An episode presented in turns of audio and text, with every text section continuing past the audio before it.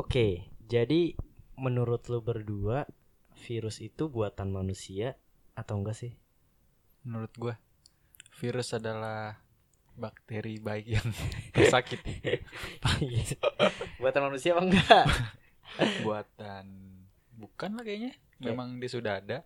Emang udah ada ya? Mm-mm. Oke. Gimana Is? Kalau gua mungkin beberapa ada yang dibuat manusia sih, tapi mungkin emang alami atau natural ada Hmm. dari hewan biasanya. Oke.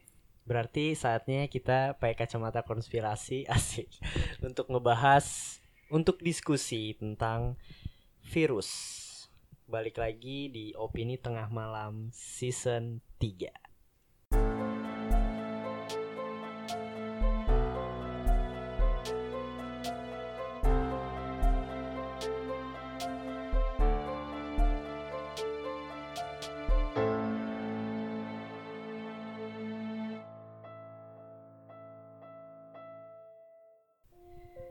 Oke, gimana nih kabarnya para pendengar open minded?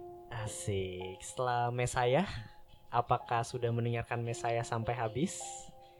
Atau Tuh. belum? Atau malah belum selesai nonton. Nah, atau belum selesai nonton? Tapi banyak jadi yang tertarik sih. Iya, Hmm, kita baca baca-baca komennya juga, banyak yang banyak yang tertarik juga dan kemarin gue mau cerita sedikit sih sebenarnya sebelum masuk ya. Jadi gue sama Faris itu diundang sama GoPlay. Oh iya iya. Iya, tahu GoPlay kalian? Mhm. GoPlay itu Layanan streaming dari Gojek ya. layanan streaming dari Gojek. Jadi layanan streaming dari Gojek kita diundang untuk film apa is? Sayo Sakato. Sayo Sakato. Hmm. Nah itu menarik apaan banget tuh? sih. Itu menarik banget. Pokoknya ya cerita tentang kalau kalian denger suka sama drama apa ya series ringan yang model-model kayak malam minggu Miko atau Hmm. apa tetangga masa gitu formatnya kurang lebih sama kayak gitu dan itu menarik banget sih seru banget sih kalau menurut gue jadi buat kalian nih yang lagi nyari layanan streaming ternyata tuh udah udah banyak banget di Indonesia sendiri gitu dan Hmm. bisa cobalah di GoPlay dan tentunya kalian yang dengerin sekarang itu pasti akan dengerin duluan karena ada di Noise sehari sebelum ada di Spotify jadi eh, kalian kalau bisa denger di Noise lah Melas eh, lagi. karena karena di Noise itu bisa komen Iya. Kalau Oh, lu iya. tahu nah, bisa kita, berdiskusi. kita baca-baca komennya Iya, iya, kita suka benar. banget baca-baca komennya yang emang ada positif ada yang negatif Kita bisa gitu. reply nggak sih? kita nggak bisa reply jadi kita Iya. ikut ikut komen doang deh ikut komen juga Tapi, gitu. tapi gua dia ada ada notif obrolan deh. Ada obrolan di ininya. Di notifnya tuh ada obrolan. Gua nggak tahu sih itu gimana karena gue belum lihat-lihat gue juga. Ah, juga belum belum cek banget sih apakah kalau gue komen di situ masuk ke notif yang notif yang Hmm. komen itu kan. Tapi intinya poinnya itu bisa untuk evaluasi kita bisa komen juga di situ kayak kemarin misalnya ada beberapa positif dan negatif juga. Jadi buat masukan juga input buat kita. Nggak apa-apa lah kita kalian mau jelek-jelekin juga kita open minded kan asik. Nah sebenarnya ini gue sebenarnya mau sebelum masuk ke virus jadi kita akan ngebahas nih virus-virus virus-virus ini yang pertama kita sedikit belajar ya belajar Hmm. dari fenomena atau kejadian yang udah ada. Ada dari virus yang emang wabahnya kurang lebih sama kayak corona saat ini ramainya kurang lebih. Dan kita akan bahas virus-virus yang bahaya juga. Ada virus-virus buatan manusia juga. Terus juga kita akan bahas konspirasinya. Jadi ada peramal yang meramalkan virus corona ini akan terjadi emang. Terus juga ada yang seorang profesor mengevolve mengembangkan mengembangkan virus flu burung menjadi virus yang bisa menghapus peradaban manusia. Menarik kan? Terus juga ada nanti ada konspirasinya dari Ebola dan HIV dan tentunya di akhir segmen kalau keburu kita akan ngebahas tentang film. Film. film-film yang ngangkat tentang virus Virus. gitu. Nah, Dan komen netizen. komen netizen. Apa namanya Fet? Bakekok ya Iya. Oke, jadi durasinya ini nggak ya kita maksimalin 40 menit kalau 45 menit, tapi kalau emang udah lebih dari 45 menit mungkin kita akan buat part 2 gitu. Oke, kita mulai aja ya. Tapi gimana nih tanggapan lu terhadap sebelum masuk ya virus corona Virus ini? corona ini Yang lu yang lu tahu lah. yang gue tahu Ah. mengerikan sih sebenarnya ngeliat kayak gimana ya apa sih tadi gue baru lihat yang gue kasih ke lu tuh yang ada orang kejang-kejang Oh, tahu gue, tapi gue belum Iya. lihat banget sih itu bener Hmm. gak sih? Ih nggak tahu juga tapi Cina semua sih tadi. Ah, moga-moganya. Eh, ngeri sih sampai kejang-kejangnya gitu anjir. Iya gue juga nggak tahu tuh bener apa enggak sih yang tiba-tiba tuh di Instagram sering banget tiba-tiba jatuh gitu loh. Oh, ada Iya yang kayak lagi di gitu. jalan Di tuh jalan jatuh. tengah jalan. Iya, tengah jalan. Tapi itu gue kayak kurang paham gitu loh. Iya, habis kalau di internet ya emang gue selalu itu sih skeptis juga gue. Kalau ngeliat yang kayak gitu-gitu maksudnya. Kayak video lama atau Iya takutnya apa. kayak video penyakit Oh. lain atau apa gitu atau emang orangnya lagi kenapa terus Nah. dikait-kait itu menarik banget karena ini gue sebagai gue bukan bukan dokter atau apa kalau nggak salah gejalanya tuh mirip sama virus SARS jadi nah itu gue nggak tahu tuh itu emang video lama atau video baru Hmm. gitu kan nah kita langsung masuk aja ya oke langsung masuk aja ya jadi yang pertama itu ada flu burung itu kelas berapa ya kita kelas berapa Fet ya Tadi sih gue baca 2005. Berarti 2005 umur kita masih 2005 sampai 2009-an katanya. sih. 2009 tuh SMP 1 Berarti SD sampai SMP tuh. iya nah eh, yang pertama itu mungkin gue bahas dulu flu burung itu adalah dikutip dari harian Kompas 26 Januari 2004 flu burung pertama kali ditemukan di Italia pada 19 1878 pada Maret 97 flu burung mulai menyerang peternakan Hong Kong dan dua bulan kemudian kedua anak laki-laki berusia 13 tahun tertular saat itu obatnya belum ditemukan sehingga anak itu meninggal dunia pada 25 Januari 2004 flu burung baru ramai di Indonesia karena menyebabkan 10 juta ayam petelur meninggal. Emang selalu ya masuk Indonesia tuh selalu telat kenapa ya? Maksudnya kayak Ketahan di bea cukai. ketahan di bea cukai anjir gila. Yang kedua adalah cacar Eh, tapi monyet. ini Apa? ada ada ada konspirasinya itu yang flu burung gue Iya. baca. Nanti dong. Ini kita Oh, masih bahas flu burung fact. yang 2004 di Indonesia doang apa di seluruh dunia sih Nah, itu dia nggak tahu. Apa emang Tahu. hype-nya baru baru dapat di Indo ya? Di dunia pernah gak sih kena iya ini. wabah flu burung Eh, ini tahun du- iya tahun maksudnya yang besar gitu ada di Amerika. Tapi gue lu gua nggak gua nggak gue masukin di sini tahun berapa. Itu di peternakan juga. Nah, yang kedua itu ada cacar monyet 9 Mei 2019. Ah, ini, ini baru nih, belum lama nih Iya. setahu gue. Pertama kali dilaporkan kasus cacar monyet. Penyakit ini dibawa oleh pria 38 tahun dari Nigeria.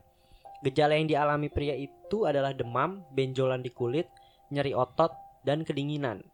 Penyakit ini pertama kali pada tahun 70 di Kongo. Virus ini adalah penularan dari monyet, tikus Gambia, dan tupai. Jadi Hmm. rata-rata tuh emang virus tuh dari hewan ya. ya emang Iya hewan sih. kan membawa banyak virus gara-gara mainnya ke mana-mana gitu kali tempat kota Iya, maksudnya maksudnya hidupnya hidupnya Iya. miliar Nah, terus ada SARS. Nah, ini yang menarik nih. SARS Acute Respiratory Syndrome merupakan sindrom pernapasan akut parah. Penyakit mirip flu ini menewaskan 30 349 orang di Cina dan 774 orang di dunia serta lebih dari 8.000 orang terinfeksi. Gejalanya dimulai dari demam, suhu badan yang mencapai 38 derajat, batuk kering, sesak nafas, dan pernah kontak dengan penderita SARS. Lo mirip banget sama corona kan? Hmm. Nah, tapi gue gak pernah denger deh SARS ini apa gue ini ya? booming gitu loh. Nah, ini juga ada konspirasinya tahun nih. berapa nih SARS. Ini tahun lupa kita Belum lama sih, ya? tahun 2000-an tapi yang jelas. Nah, terus yang keempat itu ada Ebola. Jika penya- jika terjangkit penyakit ini 90% mengalami kematian. Virus ini mampu membunuh korbannya dalam hitungan hari. Ebola mewabah pada Januari 2004 di Afrika Barat. Gejalanya adalah demam, diare, muntah, dan pendarahan. Namun WHO mengatakan Ebola sudah ada sejak tahun 76 di Ziare. Penyakit Ebola sudah menewaskan lebih dari 11 orang di seluruh Afrika Barat.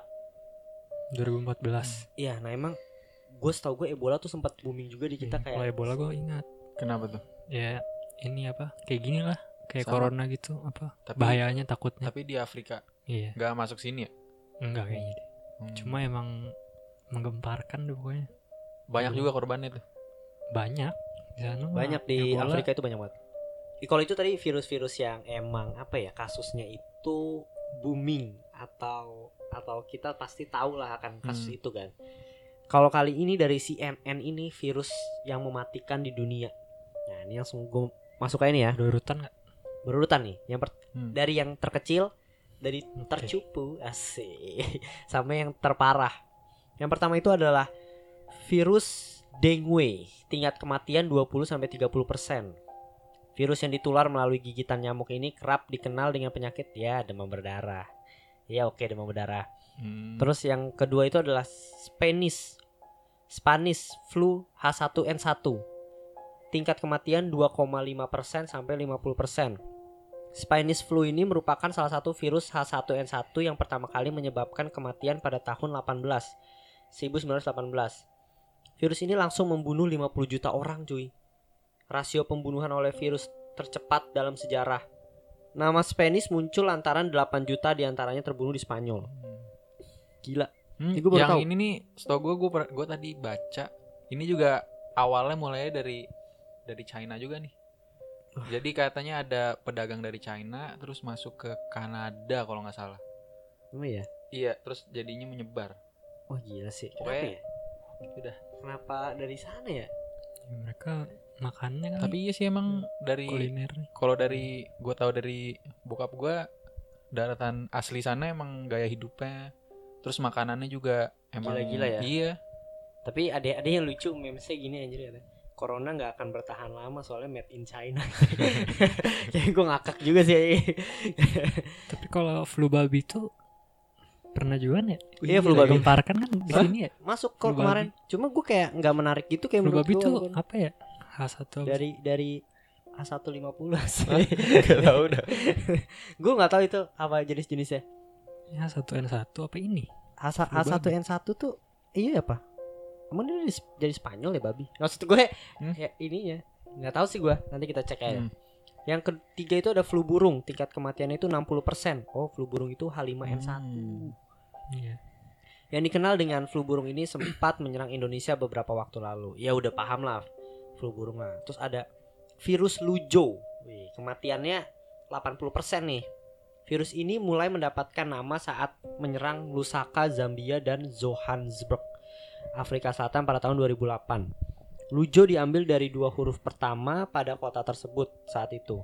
Empat dari lima orang yang terinfeksi virus ini meninggal dunia. Virus ini diketahui menyebabkan gejala mirip Ebola seperti pendarahan gusi dan hidung. Aduh, gue nggak tahu sih tapi nih, gue baru dengar juga virus lujo. Terus herpes B. Herpes itu diketahui sudah menginfeksi manusia purba sejak oh ini nih ini virus kayak paling tua gitu loh dari dari Oh. dari purba tuh udah ada 80 juta tahun yang lalu. Di era modern virus herpes B ini pertama kali ditemukan tahun 1932. Dari 31 kasus 21 di antaranya meninggal dunia. Herpes itu mudah tertular melalui monyet atau gigitan hewan. Tapi herpes itu bukan yang ini ya, yang cacar ular tuh beda lagi ya. Gue tuh pernah dulu kena virus. Kena kena virus tuh namanya cacar ular yang melenting-melenting gitu loh di di badan. isinya apa?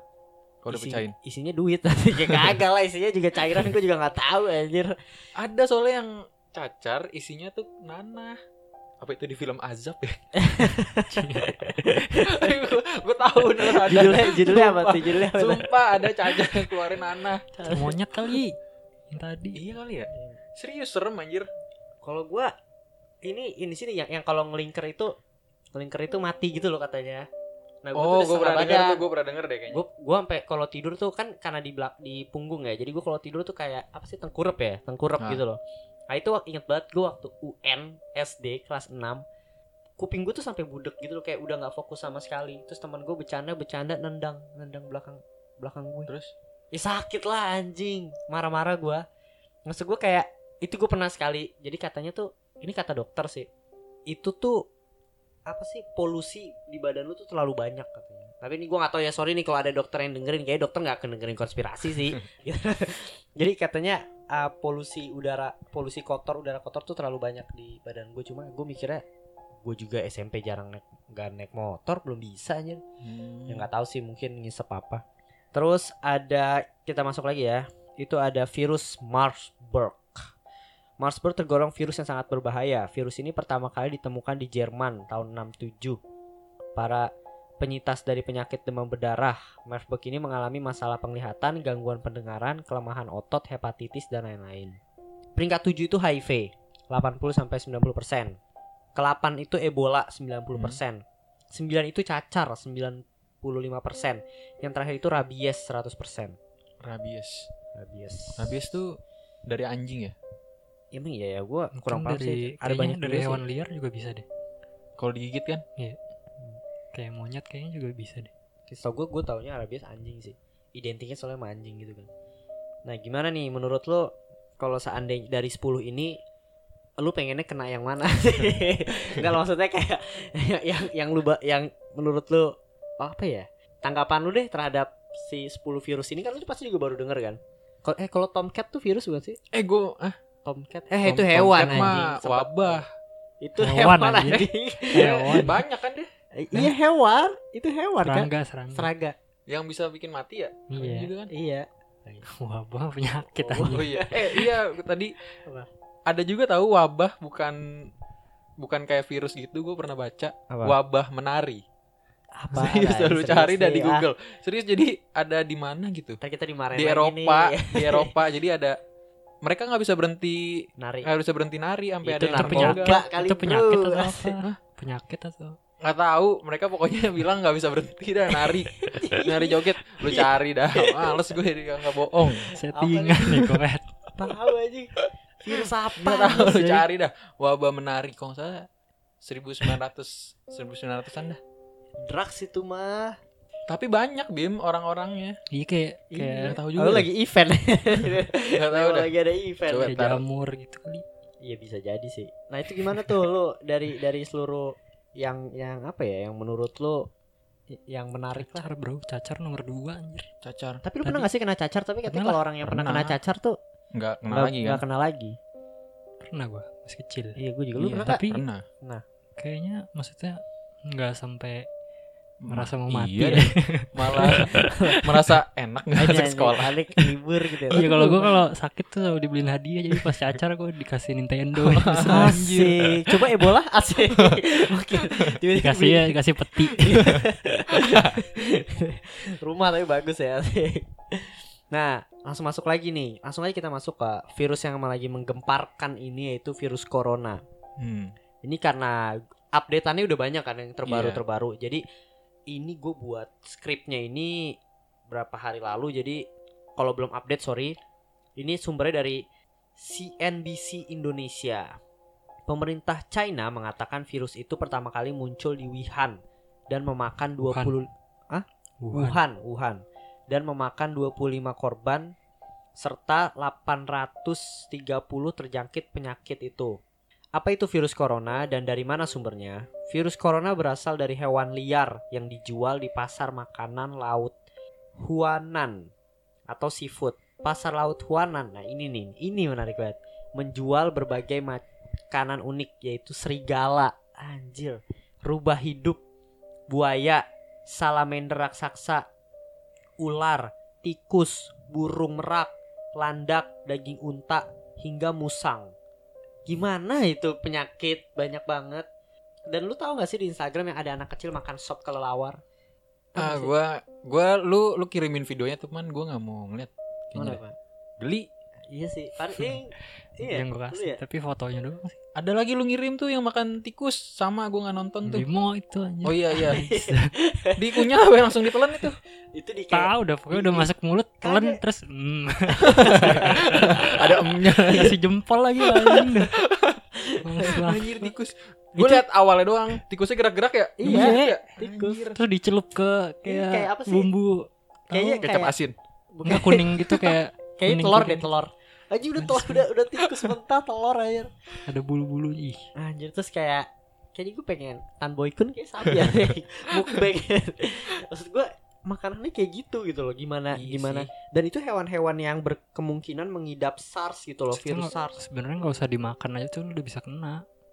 iya Hmm, sih iya sih digigit lah digigit atau Enggak enggak ya? maksudnya dia kan ngolah di situ kan dibelek diapain itu bisa kena. Hmm. iya iya benar-benar Terus nggak dibersihin lagi nampannya dipakai Hmm. ulang terus. pas dibuat motong ya gitu ya? Iya, tapi maksud gue nyampur-nyampur. apa sih? Itu tuh emang awal mulanya kayak anjir nih kayak asik nih bisa dimakan atau atau atau emang dia itu riset dulu kah atau apa tiba-tiba menjual hal itu kan Tahu. aneh aja kalau menurut gua. Tahu juga dah. Iya kan? Serigala anjir. Iya. ya mungkin kalau serigala oke lah kayak daging Iya, anjing lah kayak tapi daging serigala nangkepnya aja udah susah. Udah. Masih dijual buaya salamander raksasa kayak ular ular ya masih ada lah yang Iya, Indonesia ular juga masih masih ada. ini kan Hmm. kayak tikus anjir tikus botak anjir udah tikus-tikus yang baru lahir tuh udah Iya. udah aneh burung merak gitu landak gitu Eh, tapi gue pernah baca di Twitter pas lu ngirim video itu. Ah. Katanya di Indonesia juga banyak tau. Katanya buat stamina. Tapi tikus yang merah. ya tikus Oh, botak bisa buat tikus merah tuh yang tikus, tikus yang, yang baru lahir. iya, tikus Oh. botak katanya bisa nyembuhin asma juga, nggak tapi tahu dah. mati nggak atau hidup Hidup, hidup. Ih, kenapa Nah, tapi kan bedanya? kalau yang lu kirim videonya itu dia udah masih ada berbulu. bulunya anjir. Iya, Eh udah udah, udah gede, gede, udah emang, gede. emang udah remaja iya anjir. Udah lagi lagi sekolah sih culik Udah puber gitu. Dia lagi di sekolah diculik kayak ini kasian dah kayak masih tapi kayak masih buta gitu loh Oh, masih Mhm. anjir gue kayak tapi makanan teraneh yang pernah lu makan tuh apa apaan ya? tiba-tiba Kagak pernah gue mau makan Kodok. yang aneh-aneh. kodok kodok, kodok enggak lah Kodok mah wajar lah. yang maksudnya itu kan yang teraneh apa vet lo Apa? nih? dari lo Apa gue? iya ya menurut lu menurut pribadi lu paling aneh deh yang waktu lu ngasih makan gue tuh apa li, li- bukan limpah Oh, anjing. itu kayak oh, belut. belut ya. Masih wajar. emang lah. belut anjir iya emang belut Belut, belut, Kodok belut, belut sawah. listrik kan oh, apa vet lo Lu, Apa? paling eh, lu belut dah itu gue belut paling. paling aneh kodok Oh, gue udah pernah gue. Nah, Gua ini sih- sensor gua kali ya? sih. Sensor lah, sensor nih, sensor asik. tiba-tiba, tiba-tiba Hmm. ini ya. Tadinya tadi gue sensor da ida gitu. Lu? Iya belut itu paling Iya, yang paling belut. aneh. Oke. Kita lanjut lagi nih. Nah, menurut peneliti, virus corona merupakan virus yang kerap menginfeksi hewan. Namun, virus itu lambat laun dapat berevolusi dan menyebarkan ke manusia. Virus corona juga disebut mirip dengan SARS. Nah, ini setahu gue tuh SARS tuh emang bahaya. Pernah ngebunuh ah, banyak orang juga. Nah, ini gue takutnya setahu gue nih ya, terakhir gue baca WHO itu belum mengumumkan virus corona itu darurat. Hmm. Nah, nih yang gue ya ini cuma cuma apa sih pendapat gue pribadi aja ya yang gue takutin itu tuh virus SARS gitu loh yang emang mewabah lagi gitu tapi gue nggak terlepas dari itu karena gue nggak tahu kan Tapi virus bisa bermutasi gak sih? maksudnya Kayak dia bermutasi menjadi lebih hebat gitu. Mungkin kalau bercampur sama virus lainnya Oh, Kayak gila ngegeng jadi ngegeng. geng bro asik oh ya sama ini mungkin gak sih kayak pemerintah Cina apa kayak dia nggak ngasih real ngasih tahu terjangkitnya berapa. Iya, dia pasti. menutupi juga kan. iyalah pasti itu sama Biar nggak terlalu gempar kali ya. iya. karena gini loh ah, China itu kan negara yang tertutup ya Iya bener dong kayak Hmm. setahu gue dia nggak pakai Google pun dia nggak pakai Hmm. pakai ini Oh, dia Weibo ya. Weibo Eh, apa Weibo. nggak tahu dah, nggak tahu dah. pokoknya gimana ya kayak banyak banget yang masuk berita di di China pun banyak orang yang meninggal karena si corona ini gue yakin nggak se terekspos Iya sih. seluruhnya gitu karena uh, berita-berita di dia aja di dalam negeri aja jarang yang keluar gitu loh ini yang keluar-keluar ini gue takutnya emang cuma ya Mhm. se- sedikitnya gitu loh dan setahu gue di Wuhan itu udah udah kayak apa ya kayak World War Z gitu loh yang udah Iya, iya. yang udah banyak udah di kot kayak kota mati Chernobyl gitu loh jadinya. Nah terus ada ini gejala virus corona nih sebenarnya sebagai ini aja sih uh, reminder aja sih. Mungkin kalian juga udah tahu kan virus corona mem- membuat orang sakit saluran pernafasan bagian atas dengan tingkat ringan hingga sedang. Mirip dengan flu biasa. Gejala virus corona lainnya termasuk pilek, batuk, sakit tenggorokan, sakit kepala dan demam loh. Penyakit ini tuh kayak gejalanya tuh gejala-gejala ringan yang biasanya ah ini minum panadol atau istirahat juga sembuh gitu loh Kerokin ya. dikerokin gitu atau masuk angin gitu nah takutnya makanya jadi sekarang tuh gue kalau ngelihat orang yang emang udah batuk pilek dan ini ini kayak coba deh maksud gue lagi ini periksa aja gitu Hmm. kalian juga khususnya kayak ya udah coba ke dokter aja apalagi kalau itu nggak berhenti henti sampai beberapa hari ke depan Ya. kan ya karena kan kita juga apa sih gejalanya kayak gini gitu loh tapi flu aja itu udah bahaya banget tau sebenernya gue suka menganggap enteng lagi iya gue gue selalu bilang Flu, Flu. flu yang kayak bersin bersin. Iya. itu kan bisa menyebabkan kematian juga mas Kenapa bersin bersin sampai mati? maksudnya zaman dulu aja itu membunuh banyak orang kan oh iya bahkan iya, korbannya lebih banyak daripada korban perang perang dunia satu sama perang dunia dua digabungin anjir iya. anjir Tapi kan kita gue pernah baca anjing itu. lagi kayak antibody kita kan bisa berevolusi menjadi lebih tangguh kan? bisa Gitu kan? iya tapi Makanya cuma mungkin semakin kita besar- tergantung virusnya itu ibaratnya eh, yang kena itu selevel sama antibody kita apa enggak lu kan juga bisa antibody Mm-mm. kita kalau lu lagi capek turun Mm-mm. kan kalau lagi fit prima ya bagus Tapi gitu. mungkin itu yang bikin flu nggak bikin kita mati. Iya Karena kali. antibody kita gue sering kali kayak ah lah cuma flu doang. Iya, gue gue nggak minum obat gue istirahat doang. Tapi Oh. untungnya masih besokannya sembuh besokannya sembuh gitu gitu doang sih. Ini sekarang dengan adanya gejala ini jadi ngeri ngeri sedap sih sih. Abis research jadi atut tuh gimana nih tanggapan kalian di virus corona ini? Ada ada fakta atau Hmm, nggak ada sih. Kita juga kan belakangan eh apa kayak virus-virus sebelumnya gue juga nggak nyadar ya. Mungkin virus corona juga bakal nggak sadar juga kali gue pernah Tapi- terjadi. ini lucu sih ini ini, ini sebenarnya eh, lucu aja kayak yang yang jadi itu sih virus corona virus virus kayak gini tuh jadi kayak jadi kayak kolor kolor hijau yang udah nyampe mana lo. yang menakutkan saat masih kecil aja kayak gue kemarin denger virus corona udah udah sampai ada yang dibilang di Bali Iya. ada yang bilang di Riau terus ada yang bilang udah nyampe Bandung nah. ini masuk Bandung Sunda Empire Earth atau masih bagaimana kan tahu sampai tenabang. Iya, apa Tanah Abang tiba-tiba kayak kolor hijau zaman dulu waktu gue masih kecil. Kolor hijau tuh sama apa? We, nenek gayung. Lele gayu aja udah nyampe ini nyampe ini gitu. Tapi kalau emang cara penularannya, gue sempet nge-DM teman Hmm. gue yang emang dia dokter ya. Gue bilang, ini bener gak sih virus ini? Dan dia bilang bener. Dan cara penularannya itu lewat batuk dan bersin. Nah, maksud gue kalau emang bisa lewat udara emang Iya. gue baca Dari kita batuk kan nanti Serem lewat kan? udara gitu kan. Iya. iya, nah itu jadi jadi menurut gue makanya Wuhan udah di karantin tuh Pak. berkemungkinan besar menyebarnya sangat-sangat sangat luas kalau menurut gue ya tapi ini Gitu. maksudnya peluangnya bakal lebih besar besar sih daripada Ebola gitu gak sih maksudnya kan turisnya dari Cina pasti lebih Iya banyak sih. yang misalnya banyak yang gitu ya? iya keluar Dan banyak juga Iya yang sih. dari luar ke Cina gitu loh. Terus ini juga kayak telat ya di, diketahuinnya ya. Maksudnya tuh ada yang sampai jalan-jalan.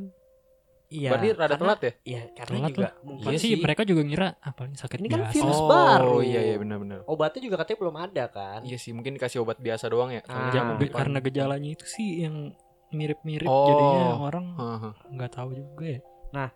ini oke kita langsung masuk ke konspirasinya aja jadi kalau menurut ada konspirasinya dari kumparan.com Hmm. nah dari kumparan itu adalah ada ex Intel gitu kayak mantan Intel dari Israel itu bilang di Wuhan itu dia mengasumsikan kalau itu adalah bocornya bioweapon dari si apa Oh. Cina. Jadi Cina punya bioweapon yang emang tujuannya untuk perang dan ternyata bocor virus itu. Hmm. Dan itu ada di Wuhan laboratoriumnya katanya ya. Ini kalian bisa baca sendiri di kumparan. Kalau salah maaf. Terus jadi kayak Iya mungkin tapi udah dikonfirmasi kalau di China itu nggak punya senjata bioweapon gitu loh. Nah ini bisa jadi juga kalau menurut gue ya. Ini pandangan gue aja sih pandangan ya Hmm. pandangan. Bisa bener bisa enggak juga. Kayaknya sih enggak orang cuma teori gue doang. Nyari aman. Takut gue. Cuma ini pandangan gue aja. Jadi ini profes salah satu profesor di aduh mana nih ya sabar gue buka dulu. Jadi salah satu profesor di luar negeri itu seorang profesor itu dia Hmm.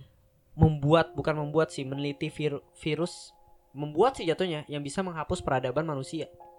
Profesor itu dari Universitas of Wisconsin Medicine bernama Yoshiro Kawauka.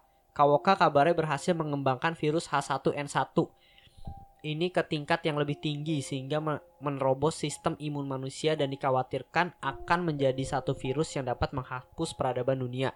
Sumbernya itu merdeka.com kalau kalian baca lebih lengkapnya bisa di situ. Jadi dia itu mengevolusi virus tersebut tapi tujuannya hanya untuk diteliti gitu loh. Untuk diteliti dan untuk ke depannya kalau emang ada virus yang kayak gini Hmm. ada obatnya. Itu tujuannya baik gitu loh. Hmm. Nah itu aja waktu dia eksperimen itu di laboratorium yang super ketat Laboratorium yang semuanya tertutup dan lain-lain Nah apakah mungkin sebenarnya laboratorium di Wuhan itu tujuannya emang baik Untuk membuat satu obat Hmm. emang Tapi bocor gitu Karena kalau menurut gue ya Untuk lu membunuh satu virus Contoh misalnya virus apa sih yang paling Satu virus Ebola misalnya Hmm. Untuk menemukan obatnya tuh lu harus membuat atau ini ini yang gue baca ya gue kan bukan dokter jadi gue nggak tahu nih katanya sih ah, dia buat obatnya tuh kayak virus juga. Jadi kayak Iya. ketemu virus virus ketemu Tapi yang lebih virus, kuat kan. yang lebih kuat dan Hmm. akhirnya si Ebola mati gitu loh. Misalnya gitu contohnya. Nah cuma kan virus yang lebih kuat ini akhirnya baik untuk tubuh atau enggak? Nah itu dia eksperimen hal itu mungkin dan akhirnya bocor yang di Wuhan itu kena orang dan dia belum sempat nemuin obatnya. Itu masih teori konspirasi gue sekali lagi. Itu cuma pandangan gue jadi gak usah dianggap serius banget sih gitu sih bisa sih karena gue juga Hmm? mikir dan sedikit bingung kan mereka udah lama kayak gitu ya maksudnya Oh. udah lama pasarnya kayak gitu iya gitu ya. tapi kenapa baru sekarang bisa Iya sih. bisa kayak gitu gitu masih bingung juga masih, masih bisa kesebar ya ini maksudnya Iya, kenapa bisa kenanya sekarang gitu Nah, Soalnya orang-orang mereka makan kelelawar juga dari lama ya. iyalah itu kan udah Itu jualnya Hmm. pasarnya bukan pasar yang baru Kalau dari kacamata konspirasi sangat sangat, Asik. Sangat-sangat. sangat menarik aja ini Kalau kalau sih mungkin mungkin. yang dari Israel terkait bioweapon bocor kayak ya bisa bioweapon bocor cuma kayak menurut pandangan gua gua ngelihatnya lebih ke positifnya Hmm. ya emang dia lagi nemuin obat sesuatu obat tapi bocor aja kan Hmm. bahaya tuh nah gue sempet dapat nih dari Inviafact jadi katanya cairan es jadi kayak itu apa yang namanya ya global warming ya Hmm. Ah. nah itu membuat virus-virus yang yang ada di dulunya itu terperangkap di es itu bisa keluar gitu loh jadi ada virus yang emang beberapa virus zaman purba Oh. yang saat itu ada dan akhirnya apa sih menjadi es Terus. terus karena global warming nah itu virus itu kemungkinan bisa bisa balik ke udara lagi gitu loh. Mhm. nah itu akan menjadi virus-virus baru gitu Ya, jadi itu menarik sih. penjelasannya kayak gitu sih yang tadi gue bingungin Apa? Apanya? Ah, virus suatu virus butuh waktu buat berkembang Hmm. Oh. kayak tadi yang apa virus-virus sebelumnya tuh pokoknya ada eh flu-flu gitu tadi flu Oh, burung kan ada iya. yang awalnya tahun 78 terus baru ada lagi tahun Oh. 94 itu kayak dia baru baru ketemu virus lain yang bisa membuat Iya, dia iya. lebih bahaya kayaknya deh Hmm, I see. Nah, kayak gitu sih. Jadi kalau pandangan pandangan gua terhadap terhadap virus corona tuh kayak gitu dan Mhm. terlepas dari ada sebenarnya banyak beberapa apa namanya teori-teori konspirasi yang Iya. emang akhirnya menurut gua ya jangan dianggap serius banget sih kalau hal itu.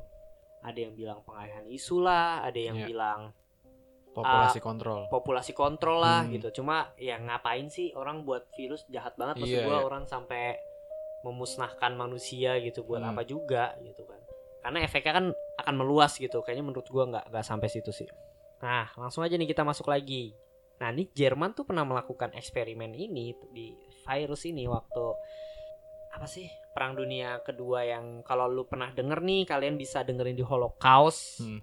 atau eksperimen gila pada manusia itu kita pernah bahas juga jadi gue lupa ya waktu itu uh, dia itu pengen menyembuhin satu virus dan virus itu uh, karena belum ada obatnya dia buat virus virus lain atau obat bisa disebut tapi kan butuh eksperimen namanya kan butuh eksperimen ke manusia.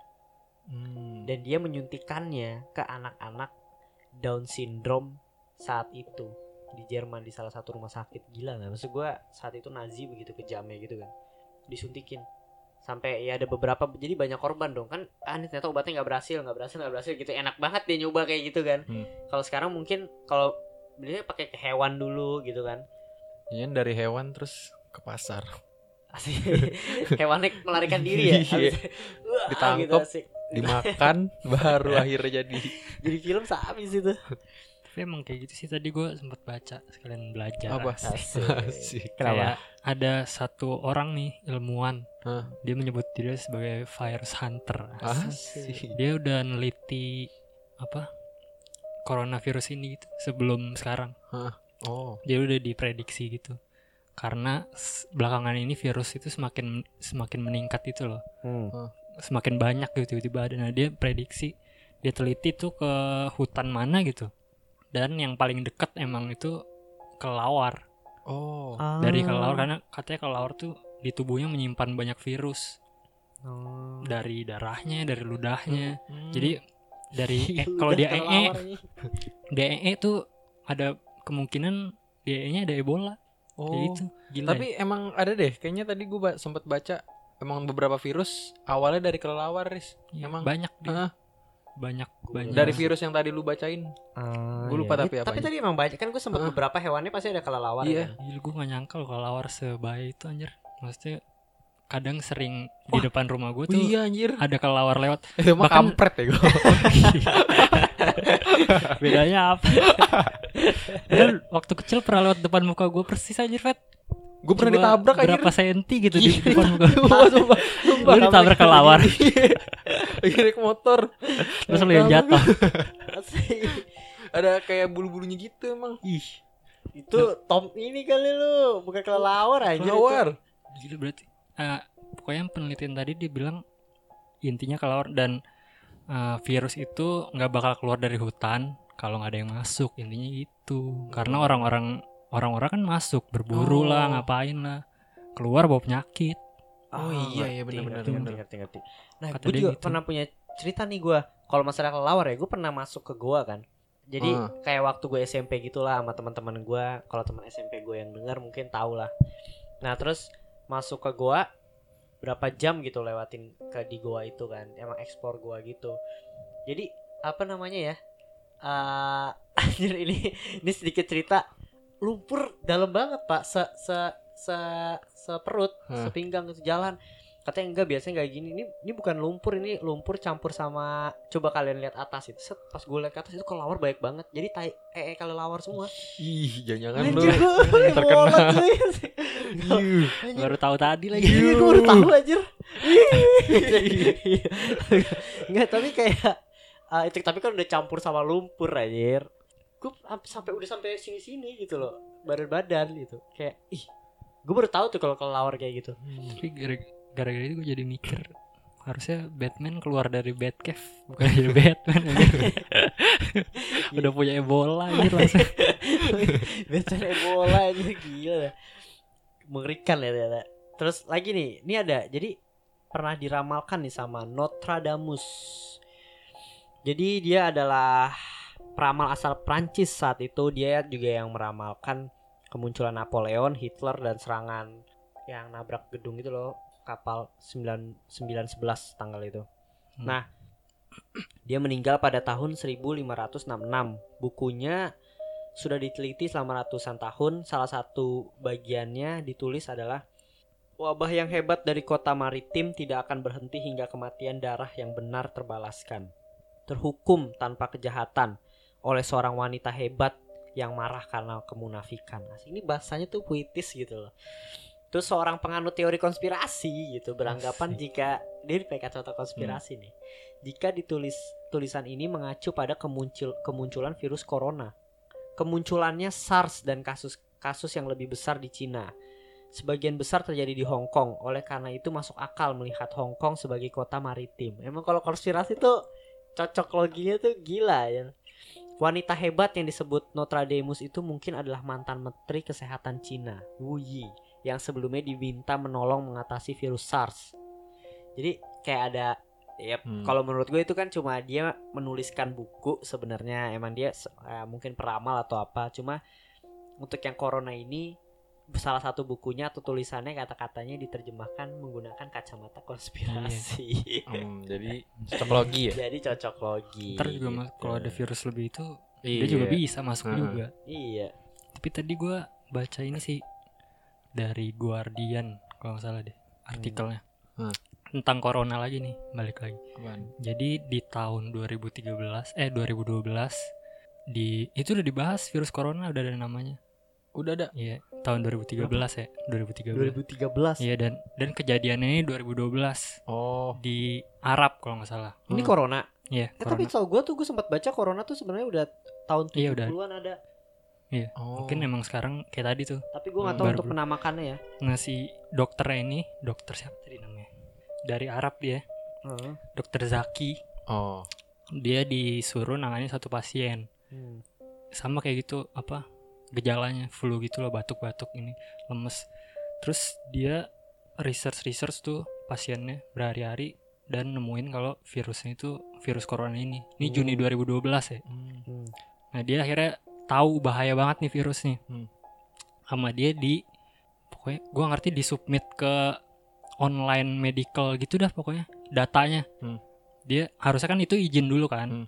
Tapi dia karena dia tahu ini bahaya banget, Hmm. sama dia langsung dimasukin Hmm. tanpa izin. Nah besokannya dia dipecat gara-gara masukin tanpa izin gitu. Gila nggak? apa dia jadi Dokter Zaki jadi dipecat sama dari dari rumah sakitnya itu Ah. gara-gara dia masukin data itu tanpa izin. Data ke Oh. online. Jadi Oh. dari data online itu nanti kan kesebar ke medical Ah. medical gitu kayaknya sih gitu sih. oh ini ini Oh. jatuhnya Jadi apa dia nih? kayak apa pengen dia dia tahu itu bahaya banget Ah. virusnya. Mungkin bakal di masa depan bakal jadi gede gitu loh. Hmm. Nama dia dimasukin akhirnya besokannya dipecat deh. Dan 11 hari kemudian si pasien itu meninggal. Ya ampun.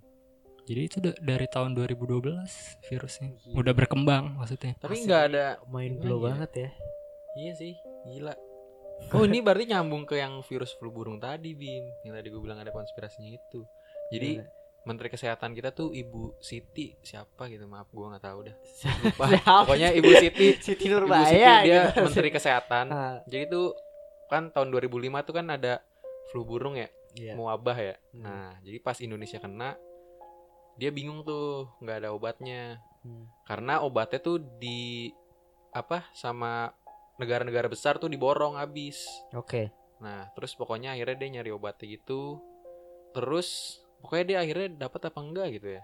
Hmm. Pokoknya tuh konspirasinya tuh di sini karena data data virusnya itu kayak ditutup-tutupin sama WHO, ah nggak dikasih publikasi semua gitu loh. Jadi ilmuwan-ilmuwan nggak bisa ngembangin virus yang lebih kuat buat ngancurin si flu burung ini. Hmm, Jadi cuma beberapa orang WHO doang yang bisa ngakses itu. oke. akhirnya dia kayak melawan gitu deh dia nerbitin buku Oke, ini menarik banget.